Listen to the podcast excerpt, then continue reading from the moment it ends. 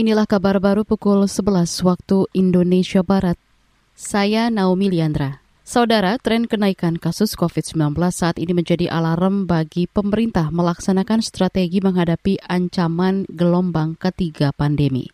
Juri bicara Satgas Penanganan COVID-19, Wiku Adhisa Smito, mengatakan kunci dari penekanan laju penularan COVID-19 masih tetap penerapan disiplin protokol kesehatan terutama untuk mencegah penularan lokal antar daerah penting bagi daerah yang sedang mengalami kenaikan kasus untuk memperketat implementasi protokol kesehatan dan menekan mobilitas ke daerah lain guna mencegah transmisi antar daerah, terutama pada tiga provinsi dengan penyumbang kasus terbanyak yaitu DKI Jakarta, Jawa Barat, dan Banten. Jika kasus pada tiga provinsi ini terkendali, maka daerah lain pun akan bisa terkendali. Kita tetap harus bisa menjaga agar daerah yang kasusnya masih rendah untuk tetap kondusif dan tetap rendah kasusnya. Juri bicara Satgas Penanganan COVID-19 Wiku Adhisa Smito menambahkan, tiga daerah utama penyumbang kasus COVID-19 punya tanggung jawab besar mencegah terjadinya penularan. Selain itu, sejumlah langkah antisipasi juga sudah harus dilakukan, mulai dari menyiagakan ketersediaan tempat tidur, ruang isolasi, obat-obatan, ventilator, hingga oksigen untuk menangani pasien COVID-19. Data pemerintah kemarin menyebut ada tambahan kasus COVID-19 lebih dari 8.000 kasus. Dari jumlah itu, separuh kasus disumbang oleh DKI Jakarta. Sedangkan khusus untuk varian Omikron kini sudah terdeteksi hampir 2.000-an kasus. Penularan Omikron sudah terjadi di 20 kabupaten kota termasuk di Sumatera Barat, Papua, dan Sulawesi Selatan. Pemerintah akan menetapkan harga eceran tertinggi HED untuk minyak goreng mulai 1 Februari nanti.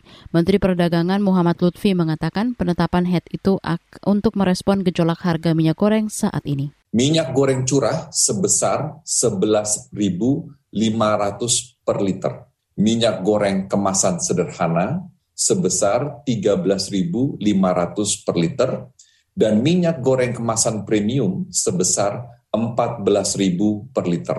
Seluruh harga eceran tertinggi tersebut sudah termasuk PPN di dalamnya. Menteri Perdagangan Muhammad Lutfi menambahkan minyak goreng satu harga Rp14.000 per liter tetap diberlakukan meski ada pemberlakuan HED. Hal itu untuk mempertimbangkan waktu kepada produsen dan pedagang melakukan penyesuaian. Khusus kepada produsen minyak goreng, Lutfi menginstruksikan untuk mempercepat penyaluran agar jangan sampai terjadi kekosongan stok di tingkat pedagang dan pengecer. Beralih ke informasi olahraga. Tiket balap MotoGP di sirkuit Mandalika Lombok, Nusa Tenggara Barat dijual dalam berbagai bentuk dan kisaran harga. Nantinya tempat duduk penonton di tribun akan disesuaikan dengan tiket yang dibeli. Wakil Presiden Direktur Asosiasi Grand Prix Mandalika MGPA, Cahyadi Wanda, melalui rilisnya hari ini mengatakan, calon penonton bisa memilih tiket sesuai dengan keinginan dan kebutuhan. Ada beberapa kategori tiket yang ditawarkan, misalnya kategori General Admission yang merupakan tiket masuk ke area sirkuit untuk menyaksikan balap dari layar besar besar. Lalu tiket standar grandstand untuk menonton di, di area tanpa atap dan kursi duduk tanpa lengan. Sedangkan tiket premium grandstand untuk menonton balapan di area yang beratap.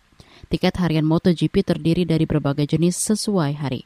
Seperti tiket hari pertama atau 18 Maret dengan kisaran harga antara 100 hingga 14 ribu rupiah, hingga tiket weekend pas atau Sabtu dan Minggu dengan harga 800 ribu rupiah hingga 2,5 juta rupiah. MotoGP di sirkuit Mandalika, Lombok digelar pada 18 hingga 20 Maret mendatang.